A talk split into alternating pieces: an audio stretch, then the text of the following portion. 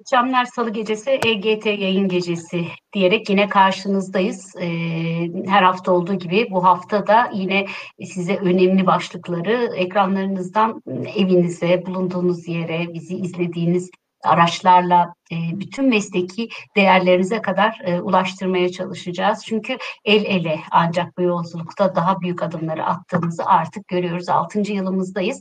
Eğitim ve eğitim ailesi e, bizi izleyen öğretmenleriyle büyümekten, bizi isteyen öğretmenlerle birlikte öğrenmekten çok mutlu efendim. Hepiniz hoş geldiniz yayınımıza.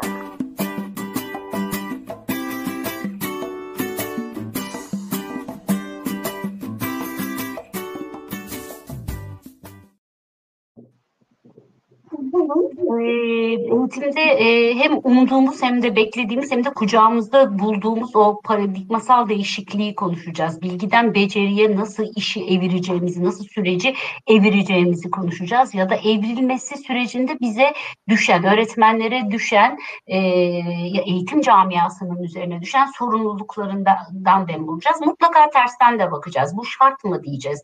Ya da bilgi e, bizi nereye taşıdı ki bilgiden beceriye dönüşmeye çalışıyoruz diye soracağız, sorgulayacağız. Kimlerle soracağız, sorgulayacağız derseniz İstanbul Erkek Liseliler Eğitim Vakfı Özel Lisesi Müdürü Doktor Gülseren Aslan bizle. Merhaba hocam, hoş geldiniz. Merhaba, iyi akşamlar. İyi akşamlar. Çok mutlu oldum sizle birlikte olduğum ve yine YRV Eğitim Kurumlarının Genel Müdürü, sevgili arkadaşım, dostum Burak Klanç bizle. Merhaba Burak, hoş geldin. Merhaba Ece, iyi akşamlar, iyi yayınlar. İyi akşamlar, çok mutluyum. Seninle yaptığımız onca yayından sonra yine böyle bir eğitim ve eğitim camiası e, logosu altında bir arada olmak çok keyifli. De açılışta da söylediğim gibi eğitimde o beklediğimiz paradigmasal, umduğumuz, beklediğimiz yıllardır konuştuğumuz paradigmasal değişiklik üzerinden bir sorma, sorgulama yapalım istiyorum bugün sizle beraber. Zaten böyle duyurduk ama önce çatıyı kurmayı severim. Sevgili Burak, bu paradigma değişikliği ne? E, neden biz bunu çok bekledik, istedik? Bilgi bilgi odaklı eğitimden beceri odaklı e, eğitime e, evriliyor bütün dünya diyoruz e, ve hayattaki ihtiyaçlarımızı okul üzerinden okumayı sorguluyoruz. Ben çok sık şu cümleyi ediyorum kendi adıma. Okullar artık e, biçim değiştiriyor. E, onlar deneyim odaklı e, merkezler haline geliyorlar. Gelmeliler, gelmek zorundalar. Çocuklar bilgiyi kendi hızlarında ve kendi ihtiyaçları olan tekrarda öğrenip alıp e, okulda da bunu realize edecekler. E, o yüzden sosyalleşecekler. Okulların en büyük anlamı bu diyorum kendi adıma. Peki sen bu o, başlığı nasıl yorumluyorsun?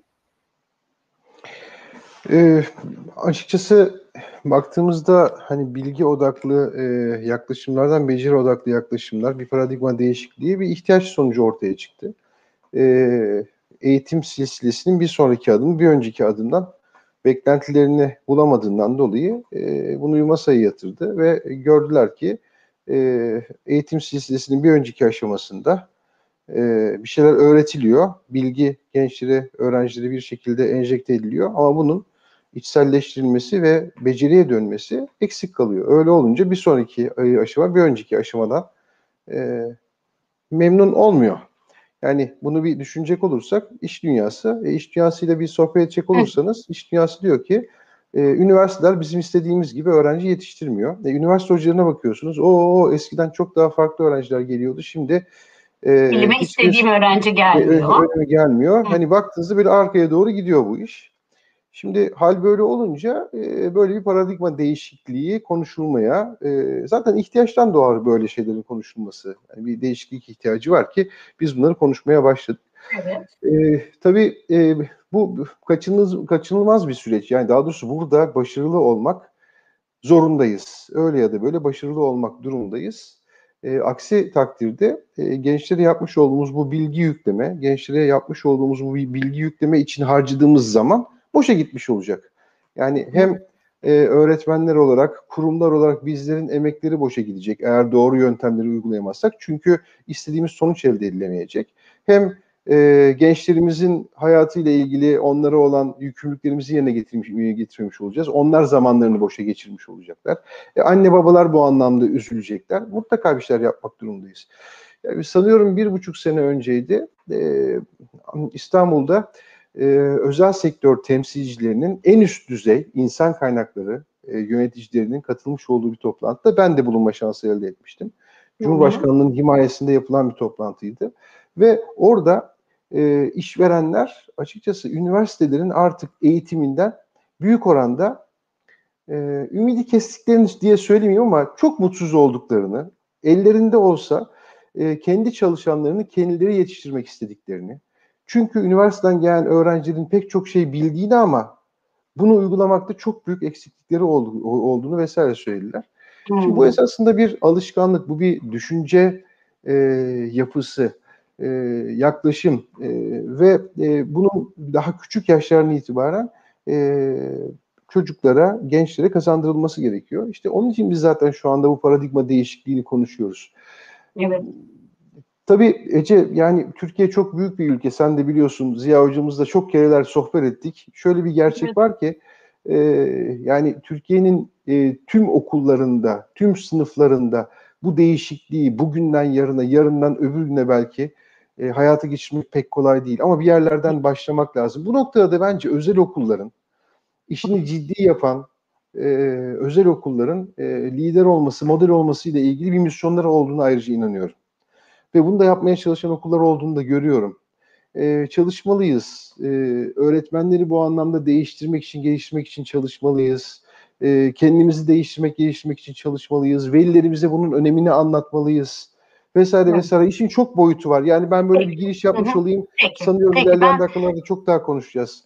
Evet, aklımda çok soru var. Yani hem e, Burak Kılancı bulunca e, sormadan geçemeyeceğim. Yani mesela bir sınavlar ekseni var. Merkezi sınavlarla ilgili mutlaka bir şey soracağım ama Gülseren Hocama çok güzel bir pas attığını düşünüyorum. Şimdi Gülseren Hocam diyor ki e, Burak Hoca, e, bu iş bir sorumluluk işi çünkü paradigmasal bir değişiklik diyoruz. Hani efendim ders saatlerini değiştirmiyoruz, müfredatı değiştirmiyoruz. Olduğu gibi e, algıyı ve aslında e, varoluşu değiştiriyoruz.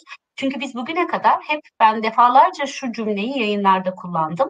Hep dedim ki okullarla e, hayatın e, sınavlarla da okulların arası çok açık. O yüzden dershanelere ihtiyaç var. O yüzden okullardan ve dershanelerden çıkan çocuklar da hayatta işte iş dünyasının önüne geldiği zaman olmadı hadi baştan diye yargılanıyor. Peki ve de dedi ki Burak Hocam özel okullar burada önemli bir rol üstleniyor. Hani İELEV açısından realize edersek bu süreci e, bu sorumluluğu üzerinize aldığınızı düşünüyor musunuz? Nasıl alıyorsunuz? Alırken nasıl realize ediyorsunuz? Ediyorsunuz? Böyle somut bize anlatabileceğiniz şeyler var mı hocam? Şimdi çok geniş kapsamlı bir soru bu aslında. Ee, bu sorumluluğu... Zor sorarım hocam. Zor sorarım hocam. Doğru söylüyorsunuz. Ee, bu sorunun cevabını direkt evet ya da hayır diye vermek çok mümkün değil diye düşünüyorum. Yani biz İELEV Lisesi olarak ya da İELEV eğitim kurumları olarak bu sorumluluğu alıyor muyuz? Çünkü bunu almaya hazır olmak başka bir şey, gerçekten yapabilmek başka bir şey. Burada e, bunun farklı katmanlarına da bakmak lazım diye düşünüyorum. Okulda biz diyelim ki bunu e, algıladık, farkındayız ve yapmaya hazırız. Bunu yapabilecek hem öğrencinin ona uygun gelebilmesi lazım, hem öğretmenin ona uygun olması lazım. Bir kere buradan bir e, öğretmen eğitimine de bir e, bağlantı kurmak isterim. Bu çok zor bir şey. Öğrencilerin um, bu kadar beceri odaklı bir eğitime hazır olduklarını aslında şöyle görüyoruz. Yani bizim sonraki nesiller evet ama özellikle şu anki öğrenci nesli hepimizden daha hazır buna aslında. Ama biz onlara bu fırsatı veriyor muyuz? Şimdi öğretmen eğitimindeki deneyimlerimden de e, yola çıkarak, eğitim fakültelerine bakarak benim neslim öğretmenler bir kere e, bu tür eğitimler alsak bile, buna hazır olsak bile kendi öğrendiğimiz şekliyle öğretmeye devam ediyoruz bir şekilde bir yerde. Bilinçaltımızda o var. Dolayısıyla kendi öğrendiğimiz şekli ne demek? Çok kontrolü elinde tutarak bir yerde aslında. Evet. Burada kontrolü bırakmak lazım. Az önce Burak Hoca'nın söylediği hani sektörün gelen öğrenciden, mezundan memnun olmaması noktasında biraz orada da bunu sorgularım aslında. Bu biraz kültürle de alakalı bir şey olabilir, sektöre göre de değişebilir. girdiği sektörde genç insan ne kadar gerçekten kendini gerçekleştirebiliyor, becerilerini ne kadar ortaya koyabiliyor. Çok fazla sınırlandırıyoruz. Eğitimde de hep çok sınırlandırdığımızı konuşuruz. Öğrenciyi beklentilerimiz nettir. O beklentiyi istiyoruz öğrenciden. Yani verdiğimiz şeyi verip çıktı bu olsun diyoruz. Bunu yapmakla aslında sınırlandırıyoruz öğrenciyi. Biraz onun yaratıcılığına bırakmak lazım. Özgür bırakabilmek lazım. Yaratıcılığı çalışırsa beceri daha çok gelişir. Bu anlamda bir kere öğretmen yetiştirme noktasında da um, farklılaşma gerekiyor diye düşünüyorum. Burada çok adımlar atıldı. Eğitim fakültelerinde de değişiklikler var. Ee, ilk buradan alırsak e, yerel eğitim kurumları öğretmene çok yatırım yapıyor. Ee, bu anlamda öğretmenlerin bu noktada değişmeleri gereken yerlerin görülmesi, anlaşılması, eğitim fırsatlarının tanınması onlara e, ve buna dair gözlem alarak, geri dönüt alarak kendilerini geliştirmeleri çok kıymetli bir şey. Biliyorsunuz evet. eğitimle ilgili hep şöyle söylenir, e, hiçbir eğitim kurumu öğretmenlerinin e, ötesinde olamaz, daha ileride olamaz. Dolayısıyla önce yatırım oradan başlıyor, İELEV eğitim kurumlarında da. E, bu noktada sorumluluğu alıyoruz diye çok net söyleyebilirim. Bunu eğitimin ne içine kadar açık kadar... sözlü oldu her şey. çok çok çok teşekkür ederim. Çok açık sözlü oldu. Yani işin bu tarafında gol yeme ihtimalimiz var. Bu tarafında çok iyiyiz demek hepimizin aslında kendi iç sorumluluğu. Yani ne kadar doğru söylediniz. Ee, öyle ya da ben de çok gelişim açığım bir öğretmen olarak yani çok kendimi geliştirmeye çalışıyorum ki buradaki arkadaşlarım da çok net bilirler Burak'ta Hoca da dahil. Çok yeni nesil şeyler geliştirmeye çalışıyorum. Fakat hep bildiğim Ece yöntemiyle yapmaya çalışıyorum tabii ki. Bu gerçekten önemli. Kendimize de şerh koymamız gereken bir şey. Kabul edip üzerine çalışmamız gereken bir şey. Teşekkür evet, ederim hocam. Ya bir şey de yalnız benim aklıma şu geldi. Şimdi burada tabii bakın e, aklıma hemen e, Ece Hoca'nın e, üniversitelerde e, misafir öğretim görevlisi olarak çok ders verdiğini ben biliyorum. Evet. E, ve e, genellikle uygulayı gelmiş oldukları, kendinin sınıfta uygulamış olduğu ders işleme yöntemi ve e, sınav yöntemleri ya da e, öğrencilerin e, konuları içselleştirip işte içselleşmedikleriyle ilgili yapmış olduğu sınamalar o kadar e, ezber bozan yaklaşımlar ki e, bence mesela bu paradigma değişikliğini Ece Hoca kendisi yaşıyor ve yaşatmaya çalışıyor. Onu şimdi, demeye çalıştım ama e, kendi, şimdi, Gülser Hoca'nın dediği gibi de kendi aslında tozunla yapıyorsun bunu. İş üzerinde doğru, bir toz doğru. var ama çünkü. Işte bu, yani ama şimdi sonuçta hani bu e, belki de öğretmenlerin kendi e, kendilerini zorlamasıyla ortaya çıkabilecek bir sonuç. Yani Tabii. bu paradigma değişikliğine öğretmenlerin de niyet etmesi gerekiyor, çaba göstermesi gerekiyor. Bunun bilincinde olması gerekiyor. E, tabii kurumun da buna e, imkan vermesi gerekiyor. Yani ben Ece Hoca'nın bazı üniversitelerde nereden çıktı şimdi bu yöntem falan filan Aynen. gibi bir takım hani e, nasıl diyeyim e, kısıtlamalar değil de ilk başta tepkilerle karşılaştığını hani bilirim. Ve, ee, öyle olduğu için hani e, hocam sen böyle yaparsan biz dersleri nasıl yapacağız? Senin dersin buna uygun ama benimki değil diye zümrelerde çok konuşulduğunu duyuyorum. Do- bunların hepsi çok işte diyorsun. bizim üzerimizdeki tozlar. Her evet. burada şu anda bizi izleyen bütün öğretmenlerin üzerinde bunu hissettiğini gö- biliyorum. Yapsa da yapmasa da çok güzel bir yere geldiniz ama öğretmen eğitimi de çok kıymetli değil mi Gülseren hocam burada yani? Çok öğretmene kıymetli öğretmeni bu değişikliğe zemin oluşturacak bilgilerle maruz bırakmak öğretmeni. Kesinlikle. Ee, benim söylediğimin yanlış bir yere gitmesini şöyle istemem. Ben burada e, direkt aynayı kendime tutarak da söylüyorum bunları. Evet. Çünkü evet.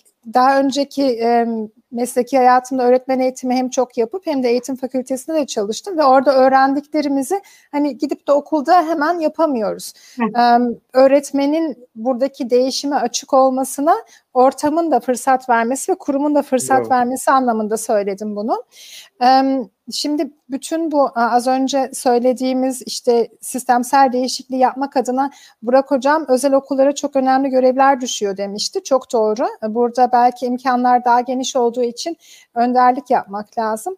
Biz um, Milliyetin Bakanlığı'nın 2023 vizyon belgesine baktığımız zaman da aslında orada da uh, ömür boyu yani long life learning işte e, ömür boyu öğrenme, e, öğretmenlerin gelişimine yatırım, konusunun da çok önceliklendirildiğini görüyoruz aslında. Dolayısıyla Milli Eğitim Bakanlığı buna çok açık ve çok bununla ilgili planlar da var. Resmi okullarda da aslında bu konuda çok değişiklik olduğunu gözlemlemek mümkün. Geçmişte evet. yapılan öğretmen eğitimleriyle bugünkü öğretmen eğitimleri arasında da farkı görüyoruz aslında. Sizin evet, böyle hocam. eskiden bahsettiğiniz sen yapıyorsun ama biz bunu nasıl yapacağızı aslında kırıldığını görüyoruz. Evet. Resmi eğitim kurumlarının müdürlerinde de çok daha esnek olunduğunu görüyoruz. Ben eskiden bilirim şey derdi öğretmenler müdürüm buna izin vermez. Böyle yaparsam sınıfta gürültü olur, Evet. kızarlar. Şimdi bunlar aşıldı büyük ölçüde. Evet, Ziya Hoca'nın da çok emeği var burada. Hani onu da söylemek lazım. E, çünkü de e, özellikle resmi liselerde e, bir, bir lis- lise programını değiştirmeye her ne kadar pandemi yüzünden e, bir parça sekteye de uğrasa salgın yüzünden ama o bu hani 2023 vizyon belgesiyle beraber hayatımıza bunun girmesi öğretmenlerin ders bekçisi değil alan temsilcisi haline geleceği bir geleceğine dair bir vizyon oluşturması hepimizin e, bir açıkçası benim yayınlarımın ve benim algımın önünü açtı. Bu arada çok güzel mesajlar var. İzniniz olursa hemen onları okuyabilir miyim? Katkı sağlayacağını düşünüyorum. Alper Demir iyi yayınlar demiş. Burak Hocam sevgi ve saygılarını sunmuş. KDZ Ereğlisi'ne kare- tekrar ağırlayabilmem umuduyla demiş. E, Burcu Güvenç, Türk Yılmaz böyle güzel ve önemli bir konuyu gündeme getirdiğinizde çok memnun oldum. Sizleri dinlemek şansını yakaladığım için teşekkür ederim. Burak Bey ve Gülseren Hanım'a selamlarımı iletiyorum demiş. E, İlkay Hocam ve Rabia Hocam bizleri ve sizleri selamlamış ve Sude Emir, Burak abi İYEL 21 döneminden bir kardeşiniz olarak YEL'lerin gelişim süreçlerini ve üniversite öğrencileri için çalışmalarınızı yakından takip ediyorum. İyi yayınlar demiş. Çok mutlu oldum bu mesajlara da okumadan geçmek istemedim. Peki e, Burak Hocam, Gülsen Hocam çok güzel anlattı. Dedi ki yani bu çok çok beğendim bu konuşmayı. Hepimizin sorumluluğu, hepimizin güçlüğü, hepimizin avantajı, dezavantajı var ve hani o sahaya çıkalım. Harekete geçmeden o bu işin bereketini görmemiz mümkün değil. Önce hareket. Peki hareketin önünde engeller neler? Yıllarca merkezi sınavlar çalıştığını çok iyi biliyorum ben de senin. Aynen seni beni, beni tanıdığın gibi. Bu merkezi sınavlarla ilgili olarak o kadar önemli çıktıları ürettin ki bir kere seni tebrik etmek istiyorum. Hepimiz Tamam. özellikle yok atlas e, staki emeğini e, burada tekrar bir alkışlama fırsatım olsun.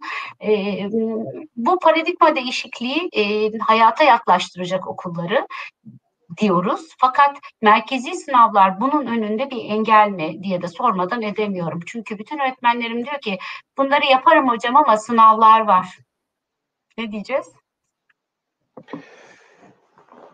Şimdi tabii yani bu ülkede bir sınav gerçeği var. Bu sınav gerçeğini açıkçası eee, göz ardı edemeyiz. Ve bu sınav gerçeğiyle yaşamak zorundayız. Sınav gerçeği olduğu sürece biz her ne kadar süreç odaklı gitmeye çalışsak da, beceri odaklı gitmeye çalışsak da eee, günün sonunda veliler şunu görüyoruz biz. Yani hepimiz tecrübe ediyoruz. Bizi dinleyen şu anda öğretmenler bunu çok tanıdık bulacaklar. Biz bunun içinde yaşıyoruz.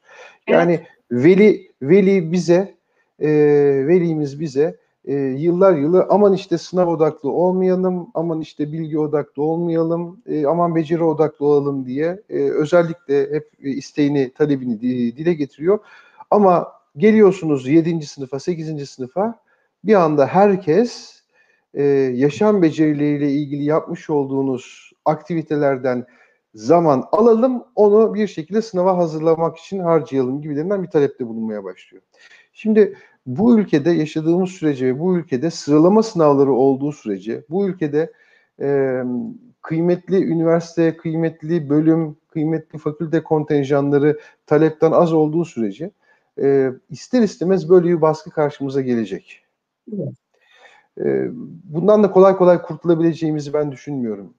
Bundan kurtulabileceğimiz e, bir zaman ne zaman gelir? İşte ancak ve ancak herkesin e, üniversite okumak zorunda kendisini hisset hissetmediği, insanların almış olduğu e, bir takım mesleki eğitimlerle de kendilerine iyi bir yaşam standardı sağlayabileceği bir e, sosyoekonomik düzene bu ülke ulaştığı zaman belki biz daha beceri odaklı bir eğitime canı gönülden katılabiliriz. Ya şimdi Hocam çok güzel bir şey söylemiş. Belki senin söyleyeceklerini destekler. Toplumca sonuç odaklı düşünen bir millet olmamız, beceri temelli eğitimin önemi ve gerekliliğini algılamada sorun yaşamamıza neden oluyor demiş. Beceri eğitimine inanan eğitimcilerin buna direnmesi de ayrı bir beceri gerekiyor. Direnmemesi de ayrı bir beceri gerekiyor demiş. Ne dersin? Çok çok çok doğru ya. Şimdi yani e, bakın şimdi ilerleyen dakikalarda Gülsen Hocam anlatır. Şimdi e, Mesela biz kendi lisemizde e, GIB e, programı yürütüyoruz. GIB programı gerçekten bir beceri odaklı eğitim. E, ve bu eğitim sonrasında e, işte mezunlarımızın yurt dışına gitmeyle ilgili önlerinde pek çok yol açık. Ancak Türkiye'de kalmayı tercih eden adaylar dönüp dolaşıp işte bu sonuç odaklı, bilgi odaklı, merkezi sınav sistemine boyun eğmek hı hı. ve orada başarılı olmak durumunda kalıyorlar. Şimdi şahsen ben şunu düşünüyorum, şunu da gözlemliyorum. Bence beceri odaklılıkla bilgi odaklılık e, siyah beyaz gibi birbirinden ayrılabilecek bir şey değil. Siyah beyazın Süper. bir kombinasyonu olması gerekiyor. Yani, yani bilgi odaklı bakın, seçilmiş bir çocuk becerikli olamaz mı? Mesela. Şimdi bakın bu konuyla ilgili de pek çok konuşma, tartışma, çalışma var. Örneğin gene bizim camiamızdan çok sevdiğimiz büyüğümüz Erhan Erkut. Erhan Erkut'un yapmış olduğu üniversitede bir çalışma var. Bu çalışmaya göre e, bir hani ne diyelim e, sonuç odaklı, bilgi odaklı, merkezi sınav sistemi yani YKS sonuçları şu andaki ismi, ismiyle hı hı. YKS sonuçlarıyla üniversitedeki alınan puanlar arasındaki korelasyonun çok kuvvetli olmadığı hatta belli yerlerde negatif olduğu ile ilgili bir saptaması var. Ancak hı. mesela bizim de kendi lisemizde yapmış olduğumuz araştırmalar ya da istatistik analiz e, bizim lisemize merkezi sınavlarla giren öğrencilerde puanları daha yüksek olanların IB başarısında daha yüksek olabileceği ile ilgili bir pozitif korelasyon olduğunu gösteriyor. Şimdi bununla ilgili eğer e, literatürü tarayacak olursanız günün sonunda gelmiş olduğunuz nokta şu oluyor. Hatta e, pek çok duayen eğitimcinin de ben e, buna benzer e, yargılarını hep işittim. E, siz sonuçta sadece beceri odaklı olamazsınız. Bilgi odaklılık da önemli. Bilgi ile becerinin birlikte aynı potada e, e, eritilebilmesi gerekiyor. Ki kaldı ki bugünkü sohbetimize başlarken ben bir şey söyledim. Dedim ki siz eğer bilgiyi uygulamayla pekiştirip beceriye dönüştürebilirseniz bir sıkıntı olmuyor. Bizim en büyük problemimiz bilginin çok kuru kuruya kalması ve bir şekilde erozyona uğrayıp gitmesi, beceriye dönüşmemesi. E, bu anlamda bence gelecekte başarılı olacak eğitim kurumları mutlaka ve mutlaka bilgi odaklılık ve beceri odaklılığı bir potada eriten, bunun dengesini kurabilen e, kurumlar olacak. Kişiler olarak da başarılı kişilerin böyle kişiler olacağını ben şahsen inanıyorum. Burak Hocam, Mehmet Toran demiş ki, Mehmet Toran Hocam e, demiş ki, e, akademiye gelen öğrenciler de hocalardan memnun değil paradigmanın karşılıklı değişimi gerekli. Bravo. Bu iş dünyası için de gerekli demiş. Katılıyor musunuz? Son derece son derece katılıyorum. Bir defa jenerasyon farkları e, çok büyük bir problem. E, gene işte bahsettiğim bir buçuk sene evvel Ekim'di galiba 2002 Ekim 2019 olması lazım. Bu katılmış olduğum geniş katılımlı toplantıda dediğim gibi yani Türkiye'nin en büyük e, sanayi ve hizmet kuruluşlarının insan kaynakları direktörleri e, bu ülkenin genç beşili sermayesiyle ilgili gözlemlerini anlatıyorlardı ve paylaşıyorlardı. Ve orada şunu fark ettim. Şu anda pek çok e, kuruluş e, gençleri anlamak için özel bir çaba içinde. Gençleri anlamak, gençlerden daha fazla fayda sağlamak, onları tırnak içinde çalıştırabilmek, çalışmaya ve üretmeye ikna edebilmek, bunun yöntemlerini bulabilmek için sürekli araştırıyorlar yöntem hmm. bulmaya çalışıyorlar. Çünkü ellerindeki beşeri sermaye bu. Okullar için de esasında çok farklı bir şey e, yok karşımızda. Okula da gelen öğrenciler artık e, farklı karakterde bunları anlamamız gerekiyor. Bunlardan e, yani bunların e, eğitilebilmesiyle ilgili, eğitilmesiyle ilgili, onlara bu bilgi ve becerileri yükleyebilmeyle ilgili onları anlayarak bu işe başlamak gerekiyor. Bu da ilk önce öğretmenlerin kendisini geliştirmesi, değiştirmesiyle mümkün olacak. Bunun da ancak okullar, kurumlar tarafından öğretmenlerin desteklenmesiyle mümkün olacağını ben düşünüyorum ekosistemden bahsediyorsun yani. Evet evet yani bu hep bir ekosistem birbirini tetikleyen, birbirinden beslenen, Bravo. birbiriyle yaşayan bir ekosistem. Göknur Aşçı e, tweet ile katılmış programa diyor ki e, bu benim işime neden nasıl yarayacak sorusunu soran öğrenciler var artık karşımızda. Bilgi artık her yerde. Bilgiyi beceriye dönüştürme noktasında eksikleri tamamlamamız gerekiyor. John Dewey'in ünlü bir sözü var. ki bu duruma çok uyuyor. Bugünün çocuklarını dünün yöntemleriyle eğitirsek yarınlarından çalarız demiş ve hemen eklemiş. Profesyonel mesleki gelişim öğretmenlik mesleğinin olmazsa olmazı bir İELEV öğretmeni olarak İELEV Akademi kapsamında birçok eğitim aldığımızı, eğitimlerimizi tecrübeye dönüştürme noktasında da büyük destek gördüğümüzü söylemek isterim demiş. Büyük desteği biraz yine realize etmek isterim Gülseren Hocam. Ee, biraz önce Burak Hocam da pas attı. Yani şu IB, Uluslararası Bakalorya Sistemi ve sizdeki GIB e, sistemi. E, bu e, öğretmenlerin aldıkları tecrübe şeyi, eğitimleri tecrübeye dönüştürme noktasında onlara da destek olan bir platform denilebilir mi? Denilebilir. Şöyle bağlamak istiyorum. Ben az önce Burak Hoca'nın söylediğinde hani e, beceri odaklı ve bilgi odaklı öğrencilerin hani birbirinden ayrışmalı mı yüzde yüz gri ve beyaz değildir derken evet, evet. E, evet bizim şu anda zaten hani ya o ya o diye bir tartışmamız olmaması lazım. O noktada değiliz hiçbirimiz. E, IB programının da yaptığı beceri odaklı eğitim anlamında öğrenciyi hayata hazırlamak. Şimdi burada eğitim sistemi içerisinde sınav sistemi sorgularken biraz oraya da gidiyoruz belki de. Her e, eğitim kademesi bir sonraki eğitim kademesine hazırlıyor öğrenciyi. Özellikle lise e, seviyesinde öğrenciyi bir sonraki kademeye yani üniversiteye hazırlamaktan ziyade yaşama hazırlamak bence gerekiyor ve bu noktada gerçekten beceri kazandırmak çok önemli oluyor.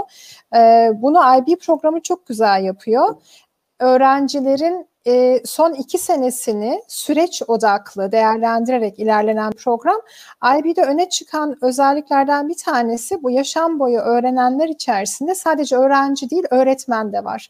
Yani öğretmen de mecbur yaşam boyu öğrenmeye ve hem paradigma değişikliklerine uyum sağlamaya hem yöntemsel değişikliklere uyum sağlamaya. Bu anlamda bunun e, bekçisi olan diyeyim sistemler var e, özel okullarda uygulanan bu tür uluslararası programların okulları başarılı kılmasının sebebi belki de bu.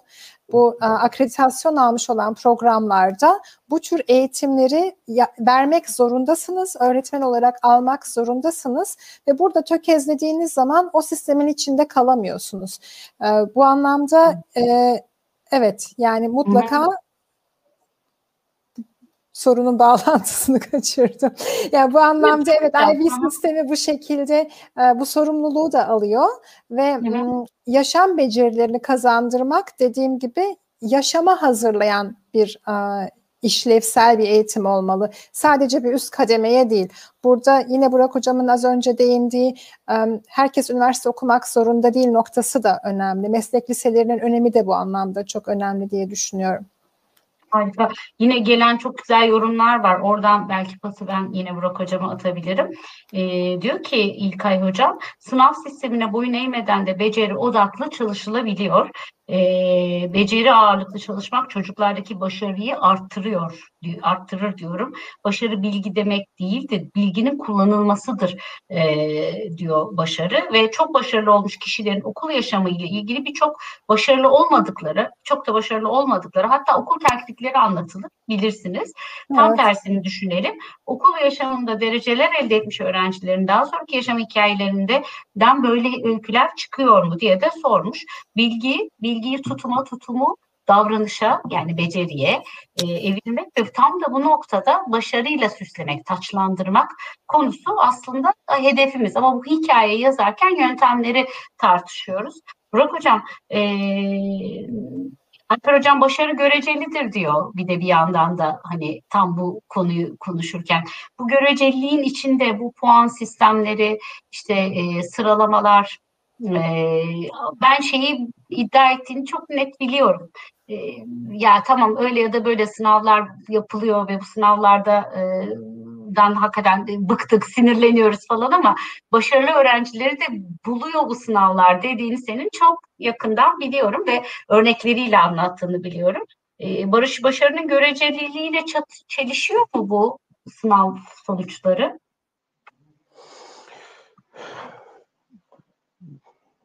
Ya şimdi şöyle söyleyelim Ece, yani eğri doğru konuşalım. Şu anda hani Türkiye'yi e, taşıyan başarılı pek çok kişi e, eleştirdiğimiz e, merkezi sınav sisteminin sonra şey ürünleri.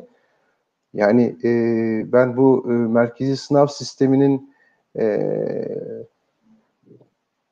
çok da yanlış olduğunu Türkiye için düşünemiyorum, düşünmüyorum. Yani düşünmüyorum, düşünemiyorum. Türkiye'nin şartları da e, aklıma geldiğinde. Çünkü genç nüfusun çok e, büyük olduğu bir ülkeden bahsediyoruz. E, ve e, herkese eşit mesafede e, bir sistem kurgulanmak zorunda. Ne için? E, az sayıda kontenjana çok talebi e, adil bir şekilde e, gençleri sıralayarak oraya yerleştirebilmek için.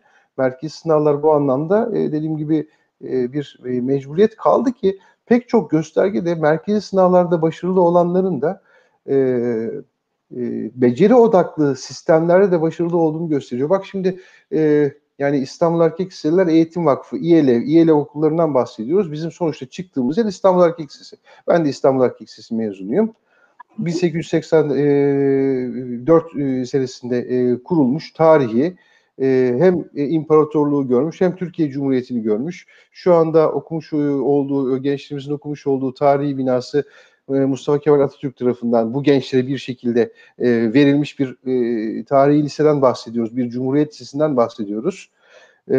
bu lisede bir abitur programı uygulanıyor. Bu abitur programı ile ilgili de çok tartışmalar yapıyoruz biz okul aile birliğinde, öğrencilerle, oradaki Alman öğretmenlerle, Türk öğretmenlerle ve dönüp dolaşıp bu tartışmalarda hep şu noktaya geliyoruz. Yani e, abitur zor. Abiturda mı gitsin bir öğrenci yoksa işte e, yani beceri odaklı abiturda mı gitsin öyle söyleyelim. Bilgi odaklı YKS tarafında mı yolunu e, çizsin? İnanın şu noktaya geliyoruz. Bunlarla ilgili bir takım böyle e, işte gençlerle daha önce İstanbul Erkek'ten mezun olmuş gençlerle şu anda İstanbul Erkek'te okumakta olan kardeşlerimizi bir araya getirip böyle bir e, tecrübe transferi yaptığımız güzel oturumlar düzenlediğimizde hep konuşmacılar kim oluyor biliyor musunuz? Konuşmacılar hem YKS'de başarılı olmuş hem de hem de abiturda başarılı olmuş. Şunu görüyoruz esasında e, gene bizim mezunumuz Acar Baltaş hocanın çok güzel bir lafı var. Çok güzel bir lafı var. E, gerçekten hani bence bütün ailelerin düşünmesi gerekiyor. Özellikle kolaycı ailelerin kolaycı sistemlerin düşünmesi gereken çok önemli bir söz. Diyor ki eğer zorlamazsanız, zorlanmazsanız gelişemezsiniz. Öğrenciyi zorlamazsanız geliştiremezsiniz. Biraz evet. stres, biraz baskı, biraz zorlama ancak kişileri geliştirir. Öyle hayat olduğu için öyle. Hayat öyle e, değil hayat, mi? Hayat öyle. Öyle olduğu için hani e, açıkçası e, bunu da ben tartışmaya açmak istiyorum. Şimdi e, bilgi odaklılıktan vazgeçip beceri odaklılığı benimsediğini söyleyen pek çok okulun öğrenciye ve veliye şirin gözüktüğünü ben görüyorum. Süreçleri hmm. çok kolaylaştırıyorlar. Sizin çocuğunuz harika, mükemmel. Bu okula giden herkes zaten süper zeka, süper yetenekli. Onlar esas e, hayata çıktıklarını duvara tosluyorlar. Bence bu Hı-hı. işin de ben e, dengesini kurmak durumunda. Hani başlarken özel okullara önemli bir misyon düşüyor dedik ya. Hı-hı. Özel okullara bu dönüşümle ilgili işin özünü iyi anlayıp ona göre hareket etme. Kendini kandırmamak düşüyor. düşüyor. Evet e, düşüyor. E, ben şunu gözlemliyorum. Evet bilgi odaklı, bilgi süreçli sınavlardaki başarıyla beceri odaklı e, süreçlerdeki başarı esasında paralel gidebiliyor. Bakın bununla ilgili gerçekten elimizde veriler var. Çalışıyoruz. Hı hı, X eksenine, Y eksenine bu hı hı. iki farklı beceri ve bilgi odaklı başarıyı koyduğumuzda arada pozitif bir korelasyon var. Evet. Güzel, bir yerde, güzel bir, şey. bir, bir yerde başarılı, öbür tarafta başarısız olmuşlarla ilgili de spesifik olarak açıklamaları Gülsen Hocam mesela getiriyor. Bu öğrenci de böyle böyle oldu diyor. Valla bununla ilgili Ve, makale isteriz. Bir çıkar, yazı isteriz çıkar. eğitim gerçekten, eğitime. Yani gerçekten eğitim çıkar. eğitime bununla ilgili bu X ekseni ve Y ekseninde koyulmuş beceri ve bilgi odaklı gelişimi gösteren ikinizden değil mi Kerim? Bekliyoruz yani. Hani Burak seve. seve, seve. Yazın e, merak ettim çünkü hani sayılar ne diyor? Veri veri temelli konuştuğumuz zaman e, sayılar ne diyor? Ece, Ece sen beni tanıyorsun yani hani ben veri veri olmadan konuşan birisi değilim. Öyle işte o yüzden ilgimi çekti zaten. Ölçebildiğini ölç, ölçemediğini ölçülebilir hale getir. Biz ölçülmüş şeyler üzerinden konuşalım. Buyurun Gülsen Hocam. Burak Hocam e, dediğiniz gibi sayılarla arası çok iyi. İstatistik konusunda müthiş, e, çok ikna edici sonuçlar koyuyor ortaya. Biz de e, eğitimciler olarak ürünümüze bakıyoruz. Çıkan Hı hı. ürün ne söylüyor Hı. bize? Buna baktığımızda e, mezunlarımız da buna dair çok önemli şeyler söylüyorlar aslında. E, şimdi üniversiteye başlamış olan birinci sınıfta olan mezunlarımızdan gerek yurt dışında gerek de yurt içinde olan mezunlar ikisi için de aynı şey geçerli. E, şunu söylüyorlar. GIB eğitiminde çok zorlandık. Çok Hı hı. sıkıntı çektik ama o zorlandıkları şey onlara öyle beceriler kazandırmış ki üniversiteye gittiklerinde e, farklı bir eğitimden gelen öğrenci arkadaşlarının, sınıf arkadaşlarının önündeler. Orada yapılması gerekenin nasıl yapılması gerektiğini bildikleri için içeriye odaklanabiliyorlar. Oysa diğerleri hem içeriği almak zorunda, öğrenmek zorunda bilgi anlamında hem de onu nasıl işleyecek, nasıl veri haline getirecek, işte nasıl bir raporlama yapacak vesaire bunu çalışmak zorunda. Dolayısıyla e, IB eğitimde kazandığı beceriyi bilgiyi kullanmak için, bilgiyi işlemek için çok iyi kullanabiliyor mezunlar. Bunu görüyoruz biz de. Yani X ve Y ekseninin birleştiği noktanın ürününü görüyoruz. yerleşmiş hali ürünü de böyle Evet. diyorsunuz. Yine e, çok güzel yorumlar gelmeye devam ediyor. E, kendimizle ilgili güzel şeyleri de okumama izin verin ne olur. E, Sayın Ece Karaboncuk Hocam özellikle EGT yayınlarınız biz eğitimciler olarak yakından takipteyim. E, eğitim teknolojisi, ETZ zirveleri gerçekten Türkiye'de eğitimin önünü de çok açtı kanısındayım diyor. Teşekkür ediyoruz. Gülseren Aslan ve Burak Kıvanç hocalarıma e, bu yayında bir araya getirdiğiniz için çok mutluyum demiş Didem Hasar. E, ona da çok teşekkür ediyorum. Şengül Kaya demiş ki sevgili Ece Hanım iyi yayınlar. Sizi ve tüm eğitimcilere sınavda beceri temelli sorulara geçiş var. Ancak eğitim sistemimiz buna tam uymuyor. Özel okullar bile. Siz nasıl değerlendiriyorsunuz diye sormuş. Bence bu da önemli bir konu. E, değerli doğru. konuklarım. Şimdi yani biz beceriye geçmeye çalışıyoruz. Evet Milli Eğitim Bakanlığı sınavlar nezdinde bizden daha da belki de hızlı geçti. Ee, bu alandaki çalışmalara hız verdi. Fakat okullar burada biraz geri kalıyor diyorlar. E, madem özel okullara e, büyük görev düşüyor, bir özel okul e, yetkilisi olarak ne söyleyeceksiniz e, Şengül Hanım'ın yorumuna? Şimdi şeyde Gülşen Hocam mutlaka konuşacaktır ama ben şimdi hani merkezi sınavcı olarak bir şey eklemek istiyorum. Şimdi Tamam. e, eğri oturalım doğru konuşalım. Bilgi yani salt bilgi odaklılıktan beceri odaklılığa geçişle ilgili bir ihtiyaç var. ÖSYM, Milli Eğitim Bakanlığı, YÖK bütün bunun farkında ve bilmem farkında mısınız? Son 10 yıldır biz neyi tartıştık bir dönem? Açık uçlu soruları tartıştık. Açık uçlu Hı hı. sorular. Açık uçlu sorular. Niye ihtiyaç vardı açık uçlu sorulara? Yani A, B, C, D, E'den seçtirince sanki sıkıntı çoktan seçmekte o varmış gibi. yani e, en aşağısından hani e, açık uçlu sorulara verilecek olan yanıtlar verilecek olan yanıtlar tabii ki belli bir çerçeve içinde puanlanacak ama yine de daha beceri odaklıdır diye düşünülerek bu dönüşüm belki e, planlanmıştı. Çok tartıştık bu konuyu hatırlarsanız. Çok tabii. Evet. Ama ondan sonra hani bir anda tabii sınav sistemi değişince o gündemden düştü. Ondan sonra yeni nesil sorular kavramı geldi şu anda karşımıza. Evet. Yeni nesil, yeni nesil soru kavramı nedir? Yeni nesil e, soru kavramında e, beceriye yönelik bir yaklaşım orada gene benimsenmiş durumda. Beceri temelli Yani, sorular yani. Beceri Evet. temelli sorusu sorular. Ancak tabii bunu hani e, biz İELTV eğitim kurumlarında çok fazla yaşamıyoruz ama çok da duyuyoruz. E, özellikle hani sınava hazırlanmakta olan öğrenci ve veliler bazı okullarda ya bizim öğretmenlerimiz hala yeni nesil sorulara geçişle ilgili biraz direniyorlar. E, çok fazla bununla ilgili bize örnek e, soru çıkartmıyorlar ya da çözmüyorlar, destek olmuyorlar diye duyabiliyoruz. Ee, çok güzel bir noktaya geldik yine. Ee, eğer böyle bir işi becereceksek, başaracaksak, yani dönüşeceksek, e, bu iş sadece öğrenciyle olmaz, e, öğretmenle de olacak. Ama dönüp dolaşıp ben bir eğitim yöneticisi olarak bu iş öğretmenle de olmaz, kurumla olur diyorum. Kurum eğer bu konuda öğretmenini desteklemiyorsa, desteklemiyorsa, e, böyle bir ortam yaratmıyorsa, e, ezber bozmalarına imkan vermiyorsa ya işte hani Evet. bize eskiden bize icat çıkartma derdi. Hani böyle bir, bir şu anda hep konuşuluyor. hı. Çok popüler. Çok tutuyorum ben o lafı gerçekten. Yani icat çıkartan çocuğa ihtiyacımız var. İcat çıkartan, yenilik getiren öğretmene ihtiyacımız var. Evet. Yani Evet, evet. bir bir üniversite için Ece Karaboncuk gibi çok yenilikçi, bir takım ders işleme yöntemlerini ve sınav yöntemlerini hayata geçiren öğretmen, şey, öğretim görevlisi, öğretim üyesi sayısı ne kadar çoksa o üniversite o kadar güçlü olur.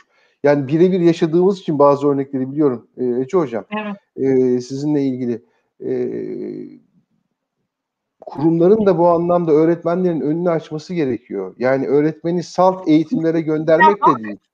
Böyle Efendim? öğretmen çok, böyle öğretmen çok. Var var. Yani var, az değil. Var. Gayet çok. Özellikle ben EGT yayın e, takipçilerini bu konuda e, yani ayrıca referans kabul etmenizi isterim. Hakikaten bu yayınları takip eden. Çünkü ben gelen mesajlardan görüyorum ve ayrıca biz artık ay sonlarında e, söz eğitimcilerde yapıyoruz bölümleri yapıyoruz e, Kerim'in mentorluğunda.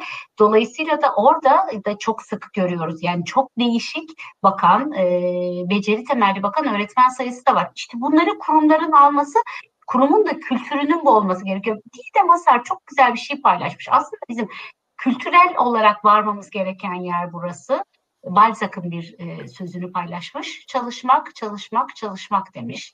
Bilginin efendisi olmak için çalışmanın kölesi olmak gerekiyor demiş. Yani bizim öncelikle fikre gelme. Biz şu kısa yol tuşlarını aramaktan, bu işin kısası nasıl olur, bu kişinin ben mesela geçen gün e, bir e, bir okuma yapmıştım. E, küçük bir video hazırlamıştım şey için, Instagram için. En çok bana o kullandığım bir cümle var orada. O cümleyle ilgili geri dönüşte bulundular. Ben dedim ki bazen e, en onurlu yolun en uzun yol olduğunu öğrendim hayatta. E, e, ve bu, bu cümleyi o kadar çok takılan insan oldu ki ya hocam illa en uzun yol mu olmalı, en onurlu olan.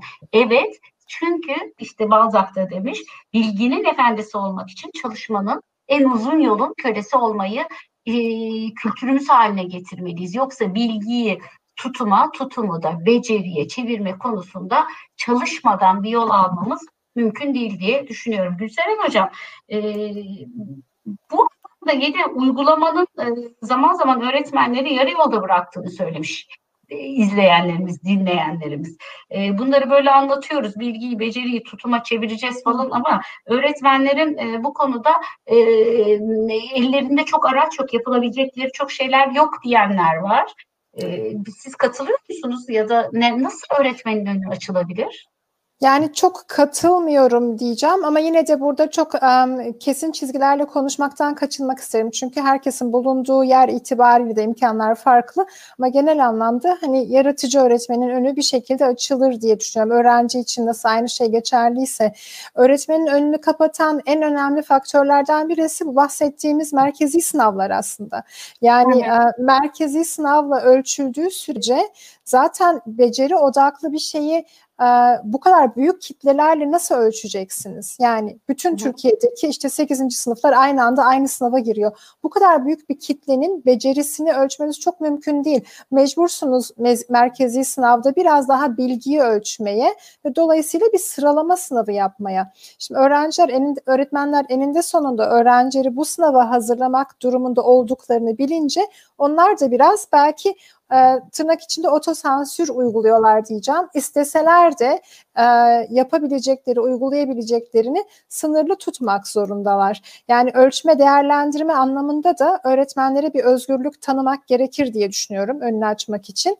Merkezi sınavlar konusunda bunu yapamıyoruz ama kurum içindeki eğitimde öğretmenlerin ölçme değerlendirme araçlarını e, daha farklılaştırabiliriz. Bunu yine e, hizmet içi eğitimlerle, işte e, kurum içerisinde verilen eğitimlerle ve öğretmen eğitimleriyle yapabiliriz. Burada geri bildirim çok çok önemli bir unsur diye düşünüyorum. Evet. Öğretmen öğrenciye nasıl geri bildirim verecek? Verdiği geri bildirim öğrencinin bilgisine dair olursa öğrenci yine bilgi odaklı öğrenmeye devam eder. Ama öğrencinin e, beceri konusunda gelişimini saptayan ve nasıl daha iyileştirebileceğini söyleyen bir geri bildirim alırsa öğrenci bu onu hem motive edecektir çünkü ne yapması gerektiğini bilir. Eğer işte sayısal bir veri çalıştı olmadı sınav sonucu başarısız hani bunu yapamadım bu formülü öğrenemedin olur. Ama beceri konusunda olmadı, başarısız oldu demek çok yetersiz ve eksik kalır. Şunu şu şekilde yaparsan ya da bu eksiğini geliştirirsen, şöyle yaparsan yani yol göstermek hep bu paradigma değişikliğinin en başlarından beri işte 80'lerden 90'lardan beri çok merkezde olan konuşulan şey mevzusu vardır ya öğretmenin rolü azalıyor mu? Öğretmen işlevini yitiriyor. Sınıf içerisinde rolü değişecek mi? Özellikle e, teknolojinin sınıfa girmesiyle birlikte öğretmenin önemi azalmadı, azalmıyor ama işlevi değişiyor. Öğretmen daha ziyade mentor olmaya başlıyor öğrenci için. Öğretmen mentor olmayı başarabilirse o zaman beceri odaklı eğitime e, fırsat da tanıyabilir kendisi. Burada hem kendini özgürleştirmiş oluyor aslında bir anlamda hem de öğrencisini özgürleştirmiş oluyor bunu yapmakla. Evet. Nermin Elmas demiş ki çocuğu bir alanda güçlendirmek diye bir şey yoktur. İlgilendiği, bilgilendirildiği, doğru yönlendirildiği her şeyde başarılı olabiliyor öğrenci. Önemli olan çocuk. Çocuğa e, ilgi göstermek demiş. Şimdi ben burada temel bir soruyu sormak istiyorum size e, ikinize de önce belki Burak hocama hani sırasıyla gidersek diye düşünerek söylüyorum. Şimdi biz e, bizim bilgi odaklı eğitim sistemimiz e, çocukların eksiklerine odaklanıyor doğal olarak. Çünkü tamamlamak gerekiyor bilgiyi. Çünkü sınavlarda bu bilgi sorulacak. Eksikleri neyse onlar o eksiklerini tamamlayacaklar. Biz hep ne diyoruz? Efendim e, konu e, şey ağacını çıkarın, eksiklerinizi, konu anlatımlarını izleyin, tanıyın, ona göre soruları çözün falan diyoruz. Şimdi bilgi böyleyken beceri dediğimiz şey ise her zaman çocuğun e, yeteneğini ve ilgisini taçlandıracak bir şekilde gelişen bir şey. Yani biz beceri temelli eğitimde de tam tersini yapıyoruz. Eksiklerine değil zaten iyi olduğu, avantajlı olduğu alanların üzerine gidilmesi gerektiğine inanıyoruz. Ve ben e, Ziya Hoca yıllar önce benim e, kızım için bana bunu söylemişti. Hatırlarsın Burak senle de konuşmuştuk bunu. Ben de çok şaşırmıştım. Yıllar yıllar önceydi şimdi. Ela 11 yaşında olduğuna göre 2-3 yaşlarındaydı. E, demişti ki ne alanda iyiyse o alanda özel ders aldır. Eksik olduğu alanda aldırma demişti. Mesela bu benim için çok kıymetli bir, bir şeydi. Çok beni e, sarsmıştı. Tokat gibi gelmişti bana. Ne demek yani bu çocuğun matematiği iyi değilse matematik dersi aldırmayacağım mı hocam demiştim. Hayır hangi ders? İngilizcesi mi? İngilizce ders alır. Çünkü bizim ileride kariyer yolculuğunda, kariyer e, aşamasına geldiğimiz zaman ondan e, güçlü yanlarını soracağız. Yani güçlü hangi yanın güçlü diye soracağız. Eksik yanlarını sormayacağız demişti. Hiç aklımdan çıkmaz bu. Peki bu bilgi odaklı ve beceri odaklı e, yaklaşımda en temel ayrım yeri gibi geliyor bana. E, peki bunu nasıl çözebiliriz? Yani hem bir yandan merkezi sınavlar varken hem de bir yandan çocukların becerikli olduğu alanların üzerine gitmek işte Nermin Hoca da diyor ya bir alanda da değil bir sürü alanda da becerikli olabiliyor çocuk eğer ilgi gösterirseniz. Bu, bunu burada böyle bir yaman çelişki var mı Burak Hocam ne dersin? Ya bu konuda ben de başka bir örnek verip e, düşündürmek istiyorum. E, yani eski Sovyetler Birliği ülkelerinden ülkemize gelen e, ve şu anda işte farklı farklı görevlerde çalışan pek çok kişi var. Yani işte Kazakistan'dan, Türkmenistan'dan, Özbekistan'dan, e, Ukrayna'dan, Moldova'dan. Ya kardeşim bunların hepsinin mi müzik yeteneği olur? Hepsinin mi beden eğitimi yeteneği olur? Hmm. Hepsi bir şeyler çalıyor. Ece Hocam. Yapıyorlar yani. Yani bir başka ifadeyle demek ki belki Yapılınca de, yapılıyor. belki de hepimizde her şeyden var. Bunun üzerine belli bir oranda gitmek gerekiyor. Herkes belki onalamıyor ama herkes 6'ya 7'ye gelebiliyor. Mu acaba? Hani bu çok yeni yani e, çok yakın bir, bir zaman önce bir yerde bir sohbet sırasında e, geçmişti. Aa işte ben hani e, evime gittim. Evimde de e, piyano vardı. Piyano çaldım diye söyledi. Kim? İşte e, bir yerde e, şu anda bebek bakmakta olan bir kimse. Hmm. Yani oradan gelmiş. Yani e, o sistem zamanında, o eğitim sistemi zamanında bu insanlara örneğin müzikle ilgili, örneğin güzel sanatlarla ilgili, örneğin sporla ilgili yani biz bize bize göre baktığımızda 5 6 7 alacak seviyeye kadar bir şeyler kazandırmış. Demek ki herkeste belki de bir yetenek var. Herkes Oysa de biz de yıllardır müzik dersi veriyoruz, yıllardır beden eğitimi dersi veriyoruz, yıllardır trafik dersi veriyoruz. Daha hala trafik sorunu Evet. Ama, bakın, ama çok çok doğru söylüyorsun e, Ece. Yani bu tespitler, Ziya Hoca'nın söylediği şeyler çok çok e, doğru tespitler. Ama benim bu gözlerimde yaman atılacak bir gözlem değil. Bence oradaki o sistemi de bir incelemek gerekir. E, biz de mesela şu anda 8. E, sınıflarımızda, 12. sınıflarımızda merkezi sınava hazırlanmakta olan öğrencilerin nerede eksiği var o konuların üzerine gidip etüt yapalım diye yaklaşıyoruz. Bu evet. bilgi odaklı eğitimin ve merkezi sınavların doğal sonucu. Bu doğal bir refleks. Evet. Doğal bir kurumsal refleks. Ee, ama e, beceri odaklı noktada da sadece güçlü olan yerlere gidiyor olmak belki de geliştirilebilecek yerlerin kör kalmasına sebep oluyor. Tam burada Instagram'dan bir soru geldi. Sağlıklı Ekmek Hareketi diye bir e, hesaptan. IB programlarında da sınav notları çok önemli kabuller için diyor. IB sınavları Doğru. çocukların bilgisini mi, becerisini mi ölçüyor yoksa her ikisini de mi demiş. Teşekkür etmiş. Biz de teşekkür ediyoruz. Yani çok güzel soru. Çok teşekkür güzel soru. Ederiz. Çok, çok güzel, güzel evet. Soru. Nasıl cevaplayalım? Burak hocam cevaplamak istiyor gibi algıladım. Bu kadar yok, iştah var mı soruya? Yok, yok, ama hani yo, bence çok buyurun. güzel çok, çok, çok, çok güzel tespit. Gülsen hocam e, konunun uzmanı olduğu için o yanıtlasın lütfen. Estağfurullah. Çok buyurun. kıymetli bir soru gerçekten. Ee, bu soru aslında tam da e, şunu cevabıyla birlikte getiriyor. Beceri odaklı eğitimi bilgi odaklıdan ayırmamak lazım. Yani başından beri hep ara ara söylediğimiz ve mesajını verdiğimiz şey bu. İkisini birbirinden ayırmak, hadi birini yaptık bu iyi olmadı şimdi öbürünü yapalım diye bir noktada değiliz. Yani böyle bir şey değil eğitim zaten bütüncül olması lazım. IB'de olan şey bilgiyi doğru kullanmayı öğretmek ve bu bir süreç, sürece yayılmış olan bir durum. Bilgi olmadan da beceri hiçbir işe yaramayacak ki. Yani şimdi sanat ve spor olarak bakmayalım. Daha akademik içerikli e, kısımlara baktığımızda bilgi olmazsa becerisini nerede uygulayacak? Yani beceriden bahsettiğimiz zaman biz sadece e, fiziksel yeteneklerden, işte doğuştan gelen yeteneklerden bahsetmiyoruz. Geliştirilebilecek bir şey beceri. E, kasınızı evet. çalıştırırsınız, kası geliştirirsiniz. Bu da onun gibi. Dolayısıyla IB'de öğrenci mesela şunu öğreniyor, zamanını iyi yönetmeyi öğreniyor.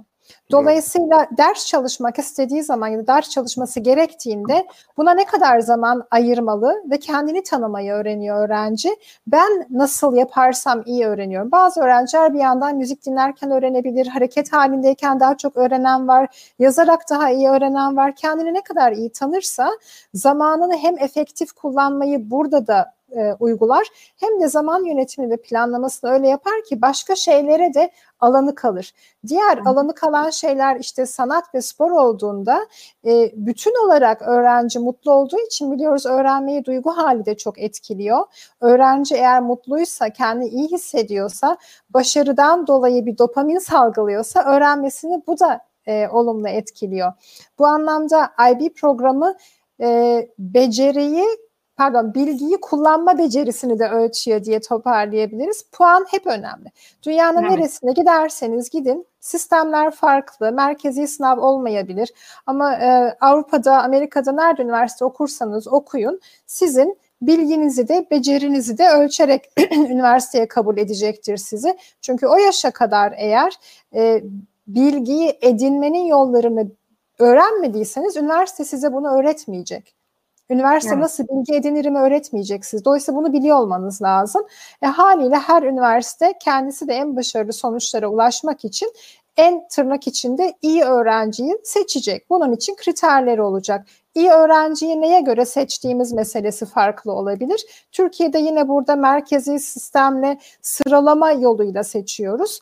Başka ülkelerde e, daha farklı seçilebiliyor. İşte üniversiteler daha özerk olabiliyor, kendi sistemleri olabiliyor, kendileri karar verebiliyor hangi kritere göre alacaklarını. Ama elbette ki bilgi önemli orada da puana bakılmayan bir yer olmayacak. Yani e, az önce şeyin başarısından bahsederken beceri odaklı sistemin başarısından aklıma şey geldi benim. Yine abiturdan bahsetti Burak hocam. İşte biz GIB yapıyoruz. GIB'nin burada açılımını belki bahsetmekte fayda var. Hani International Baccalaureate Uluslararası Baccalaureate'nin karma dillisi. Başındaki G e, Almanca Gümüşsprachig karma dilliyi temsil ediyor. Dolayısıyla biz de bir Alman okuluyuz aslında. Şimdi Alman e, eğitim sistemine baktığınızda çok çok önemli bir unsur vardır. Her eğitim alan bireyin bütün alanlarda temel bir yetkinlik kazanması, temel bilgiyi edinmesi önemlidir. Dolayısıyla eğitim sisteminin başından sonuna kadar mutlaka her öğrenci matematik öğrenir. Çünkü matematik yaşamda da önemli. E, sosyal alanda e, mutlaka bir ders alır, öğrenir çünkü bu önemli kendini hem sosyal olarak geliştirmek hem de toplum bilimle ilgili bir konuda gelişmek ve bir yabancı dil mutlaka öğrenir zorunlu. Buna ihtiyacı var yaşam boyunca. E, bu üç alanda zaten ders alma zorunluluğu IB programında da var. Alman sisteminde de var olan şey bu. Sonradan farklılaşabiliyor ama farklılaşmadan önce bir ortak temel minimumu sağlamak zorunda eğitim sistemi. Evet. Evet, evet. Peki hocam, e, IB, ben notlarıma bakıyorum Gülseren hocam. IB öğrenen profili, global yetkinlikler ve dijital beceriler. Bunlar aslında sizin anlattıklarınızın sanki böyle aralarında e, çok önemli diye, mutlaka üzerinde durmamız gerekiyor e, diye kulağıma e, gelen e, cümleler oldu.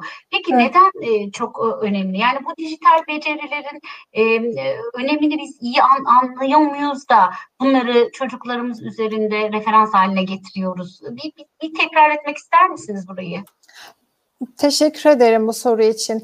İyi anlıyor muyuz sorusu gerçekten çok önemli bir soru. Hepimiz eşit e, derecede iyi anlamıyor olabiliriz veya hepimiz dijital beceri dendiğinde aynı şeyi anlamıyor olabiliriz diye düşünüyorum. Herkes kendi yaşamsal çevresi ve ihtiyaçları doğrultusunda algılıyor olabilir bunu. Şimdi eğitim kurumlarında dijitalleşmeden bahsediyoruz. Bu çok önemli bir trend. Türkiye'de bu konuda çok ileride olduğumuzu söyleyebiliriz. Avrupa'da çok daha kesinlikle yani Avrupa ülkeleriyle kıyaslayınca ben Almanya'yı referans alayım. Okulların dijitalleşmesi noktasında e, mutlaka birkaç adım öndeyiz, onların önündeyiz. Dijital beceriler e, IB açısından bakıldığında da genel yaşama hazırlanma anlamında bakıldığında da niçin önemli? Dijital bir aracı kullanmadığımız, dijital okur yazarlığa ihtiyaç duymadığımız hiçbir alan kalmadı yaşantımızda.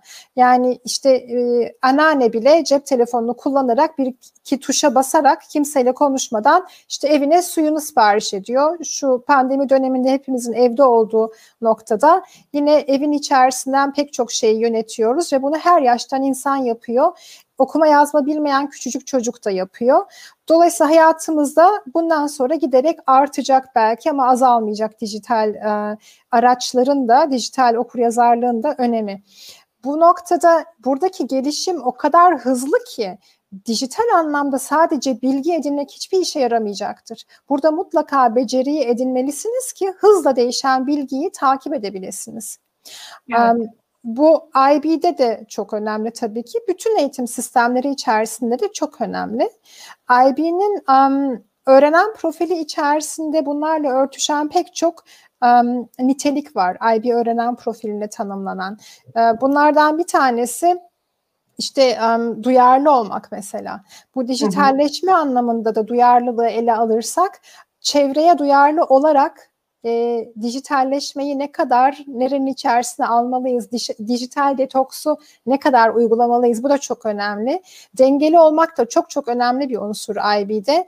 Bugün e, çok önemli CEO'ların e, biyografilerini okuduğunuz zaman hep şunu görürsünüz mutlaka o denge sağlanmış olmak zorunda. Ne kadar çok kendi e, işine yatırım yapıyorsa ve zaman ayırıyorsa bir o kadar da hem özel hayatına, ailesine, kendi ruhsal huzuruna ve dengesine, bedenine ve sağlığına da yatırım yapıyor. Sadece okula ve derslere, sadece işe ve mesleğe yatırım yaparak da başarılı olunamıyor. Bunu dengelemek için e, kendimize de yatırım yapmalıyız mutlaka. Bu da çok çok önemli bir unsur. Burada dijital detoksun altını çizmek istiyorum bununla birlikte.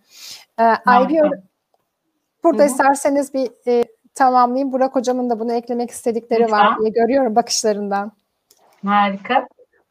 Ee, yani ben de açıkçası şunu söylemek istiyorum. Tabii hani bilgi odaklılık, beceri odaklılıktan bahsediyoruz. Beceri deyince de yaşam becerileri hep tartışıla geliyor. İşte 21. E, yüzyıl yetkinlikleri, yaşam becerileri herkesin ağzında. Ee, ben bunu fırsat geldiğinde her platformda söylemeye çalışıyorum. Ee, özellikle şu anda e, teknolojik imkanlar sebebiyle bilgi öyle ya da böyle erişebildiğimiz bir e, unsur, bir kaynak. Yani kaynaklar çok bilgi açısından. E, bu sebeple e, bence e, eğitim kurumlarını, üniversite olsun, lise olsun, hangi seviyede olursa olsun farklılaştıracak e, unsur. E, gençlere bilgiyi nasıl verdiklerinden öte, bilgiyi verip vermediklerinden öte e, yaşam becerileriyle ilgili onlara ne verdikleri. E, bence e, yaşam becerileri noktasında çaba gösteren, bilgiyle beceri arasındaki dengeyi müfredat haritalamasını doğru yaparak iyi harmanlayabilen kurumlar. Ve her bir öğrencisini, her bir öğrencisinin kariyerini ve akademik gelişim dışındaki tüm gelişimlerini yakından takip eden kurumlar ön plana çıkacak, gözde kurumlar olacak diye ben hep söylüyorum. E, bu anlamda da e, hani İELEV'de önemli adımlar atma gayreti içinde oluyoruz. Bu arada tabii hani İslamlar onu da sorayım mı Burak Hocam? Yavaş yavaş sürenin sonuna geldim tamam. ama bunu yani toparlarken cümleni mutlaka bunda da değinirsin diye düşündüm. Ee, çok güzel buldum çünkü soruyu da. Serkan Kırış hocam yazmış. Yine yüreklere dokunan bir program demiş. Öğretmenlerimize yenilikçi eğitim anlayışı üzerinden kendinizi geliştirin, yenilikçi öğretim yöntemleri üzerinde çalışın dediğimiz zaman bu durumu direkt e, salgın sürecine bağlayıp salgın bittiğinde tekrar klasik eğitim anlayışının ön plana çıkacağını e, düşünüyoruz bazen demiş. Değerli hocalarımızın bu konudaki düşüncelerini alabilir miyim demiş. Böyle bir e, korkuyu bazen ben de yaşıyorum. Her şey geriye döner mi diye korkuyorum. Siz yani hani son cümlelerinizi bağlarken bu korkuyu hissediyor musunuz? Hocam, hocam, hocam yani Öz, Gülsen hocam tabii e, öğretmenlerin e, müdürü olarak söyleyecektir de ben de şu gözlemimi söylemek istiyorum. Ee, bakın uzaktan öğretim ya da sınıfta yüz yüze öğretim. Hı hı. Ee, Esas olan ne biliyor musunuz? Öğretmenliğin hakkını vermek. Öğretmenliğin evet. hakkını vermek isteyen bir öğretmenin yaştan bağımsız, teknolojiye yatkınlıktan bağımsız. Ben bu pandemi döneminde harikalar yaratabildiğini gördüm. Burada evet. önemli olan niyet. Öğretmen eğer öğretmenlik mesleğinin hakkını vermek istiyorsa, yani kendisi esasında hayat boyu öğrenci ise, kendisi yenilemeye çalışıyorsa, ve bundan keyif alıyorsa. Ve bundan keyif alıyorsa o zaman bunlar bir araç oluyor. Bir ortam oluyor. Yani bakın şu anda biz e, yüz yüze bu sohbeti yapıyor olsak da bir keyif alacaktık bir ortamda hani seyirciler olsa. Şu anda da bu keyfi alıyoruz. Bir şeyler üretmeye çalışıyoruz. Ve bir sürü Niye? insan Çünkü, yine katılabiliyor. Ve, kat, ve katılabiliyor. Yani e, bu ortamlar araç. E, öyle olduğu için hani bence içinde öğrenme aşkı olan, öğretme aşkı olan, mesleğin hakkını vermek isteyen tüm öğretmenler pandemi öncesi, pandemi sonrası tüm hayatları boyunca ezber bozma gayreti içinde olacaklar. Evet. Bu ezber bozma gayreti içinde olan model olacak öğretmenleri de istihdam etmek, onların önünü açmak bence özel öğretim kurumlarının en büyük misyonlarından bir tanesi. Bu çok çok ben önemli. Hocam, ben böyle bir kaygıyı hiçbir şekilde taşımadığımı çok net söylemek isterim. Şu ana kadar Harika. pek çok soruya net cevap veremiyorum dedim ama buna çok net cevap verebilirim. Çünkü öğretmenlik o kadar hani kıymetli bir meslek ki Türkiye'de de özellikle çok takdir edilen ve gerektiği saygıyı aileler tarafından da öğrenciler tarafından da çok gören bir meslek diye düşünüyorum. Ve kolay bir şey değil. Yani öğretmenliğin hakkını vermekten bahsetti Burak Hocam. Ben bunu öğretmenin iştahı olarak tanımlıyorum. İştahlı bir öğretmenseniz eğer bir kez öğrendiğiniz bir şeyi elinize geçen bir aracı bir daha bırakmazsınız. Yani siz işte motosiklet kullanmayı öğrendiniz, motosikletiniz var. Onun zevkini yaşadıktan sonra kolay kolay yürüyerek gitmezsiniz bir yere. Bunu kullanırsınız. Bunun gibi belki çok e, oturan bir örnek olmamış olabilir ama öğretmenler teknolojiyi kullanmayı ve bununla ilgili yapabilecekleri, yaratabilecekleri farkı gördüler ve o kadar keyif aldılar ki bundan hiçbir zaman eskisi gibi olmayacak. Ancak çok büyük eksiğini duydukları öğrenciye dokunma anlamında da geri döndüğümüzde onun kıymetini hepimiz birlikte çok daha farklı gördük ve anladık. Öğrenciler de bizler de birbirimize dokunmayı özledik. O dokunuşlar döndüğümüzde olacak ama hiçbir zaman önceki gibi olmayacak kesinlikle. Belki araçlar yine dijital araçlar çeşitlenecek. Belki dijital araçların yoğunluğu azalacak. Onun yerine daha dokunmatik dediğiniz gibi yani daha göz göze, yüz yüze, can cana şeyler olacak ama bizim yaptığımız yani bizim o, o şu anda içinde olduğumuz e, sorgulamalar gittikçe arttı görüyoruz yani bunu e, o kadar şahit oldum ki e, yapılan dijital yayınlarda her öğretmenin ne kadar sorguladığını sonuçta ben de 6 yıldır bu yayınları yapıyorum.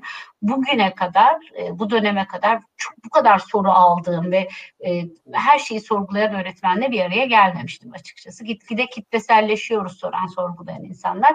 Peki dediğimiz gibi dijital e, araçlarla olan mesafemizin e, şekli değişecektir. İşte motosikletin modelinin değişmesi gibi. Ama e, bizim o e, heyecanımız değişmeyecektir. Çünkü bir öğretmen her zaman ve bizim bütün ekibin yaptığı gibi bir tane öğrenciye, o bir tane değişecek insana, o bir tane hevesliye yapar bütün işini. O, o bir taneyi arar durur öğretmen. Hep bir çocuğu vardır onu değiştirmek istediği. Her öğretmenin gönlünde, kalbinde e, ulaşması gerektiğine inandığı. Ben bütün derslerimi böyle yapıyorum. Sınıfa giriyorum bazen 90 öğrenci oluyor ama diyorum ki bunlardan bir tanesine dokunacağım ve çok şey değişecek hayatta. İşte öğretmen o bir tanenin peşinde olduğu için onun her zaman peşinde olmaya devam edecek. Çok teşekkür teşekkür ediyorum e, katılımınız için. Bir saati geride bıraktık.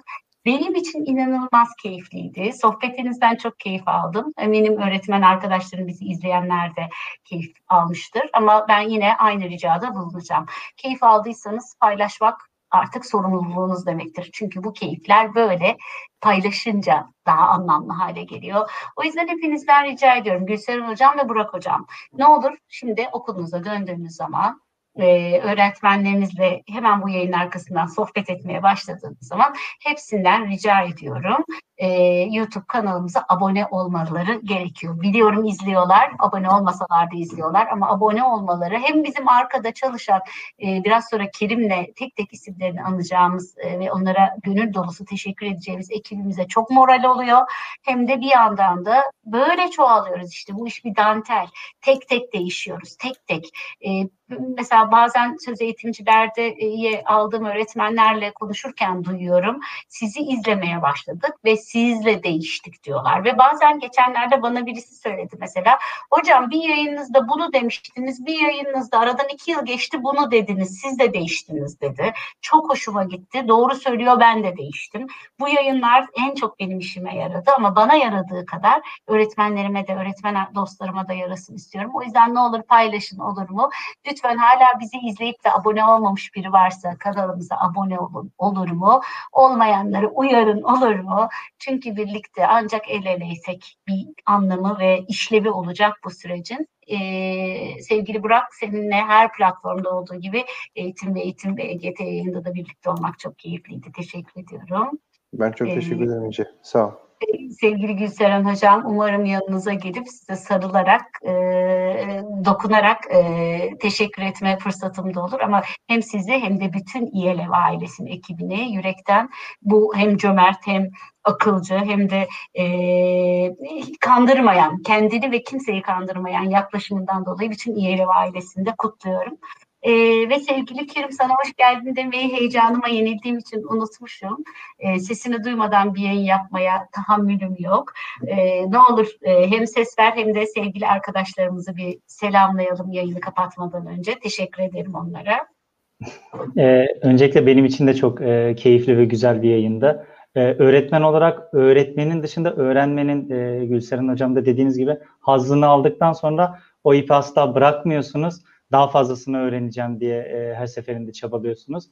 Sadece öğrencilik zamanında değil, e, öğretmenlik ve de tüm aslında e, iş hayatında da bu geçerli oluyor.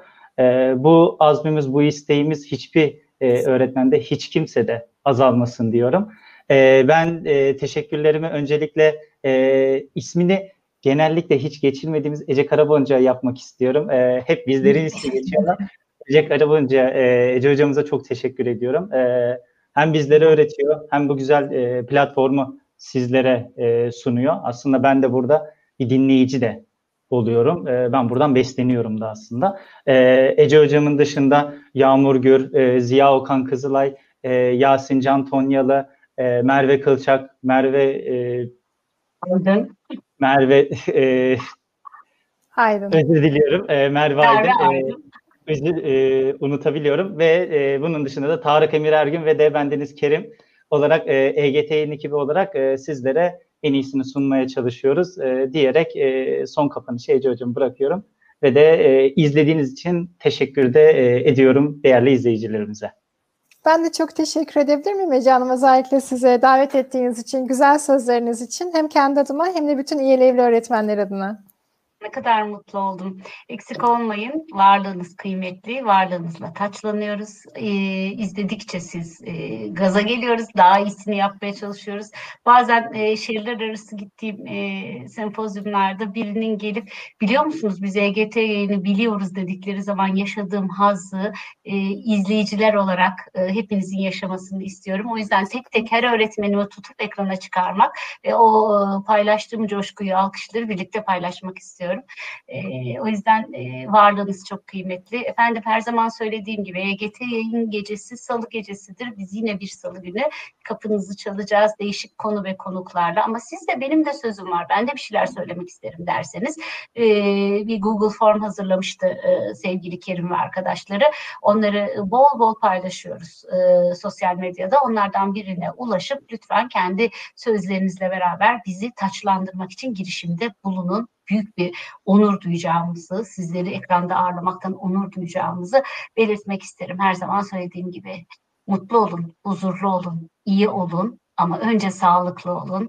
Sağlık haberlerinizi, iyilik haberlerinizi gönülden bekliyorum. Efendim tekrar görüşünceye kadar hoşçakalın. İyi akşamlar. İyi akşamlar.